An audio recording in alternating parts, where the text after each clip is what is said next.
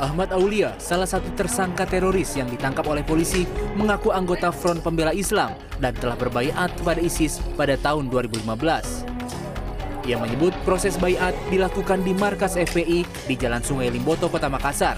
Pembayatan bahkan dihadiri sejumlah pimpinan FPI.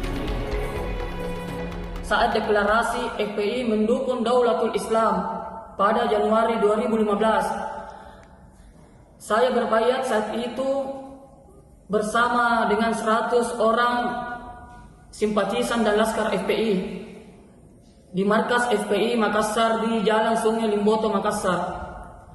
Saat, saat berbayat dihadiri oleh Munarman selaku pengurus FPI pusat pada saat itu, Ustadz Fauzan dan Ustadz Basri yang memimpin bayat pada saat itu. Ahmad Aulia dan 18 rekannya ditangkap aparat Densus 88 anti teror Polri pada Rabu 6 Januari lalu. Pada saat penggerbegan di Makassar, dua orang meninggal dan satu orang lain masih dirawat karena tertembak. Tim Densus 88 menyita rangkaian bom di kediaman pelaku.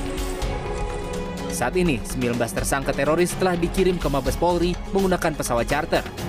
Selain merupakan anggota FPI, sejumlah tersangka juga merupakan keluarga pelaku bom bunuh diri di Zulu, Filipina.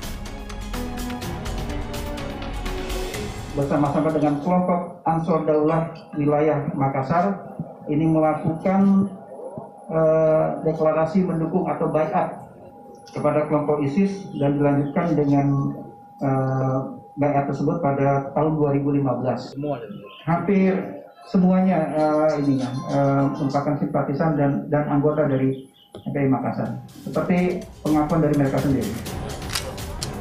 Pesawat yang mengangkut 19 orang tersangka ini bertolak dari Bandara Hasanuddin Maros menuju Gorontalo untuk menjemput tujuh tersangka teroris lain menuju Jakarta. Sementara satu orang tersangka yang mengalami luka tembak saat penangkapan rencananya juga akan dibawa setelah kondisinya memungkinkan. Tim Liputan CNN Indonesia.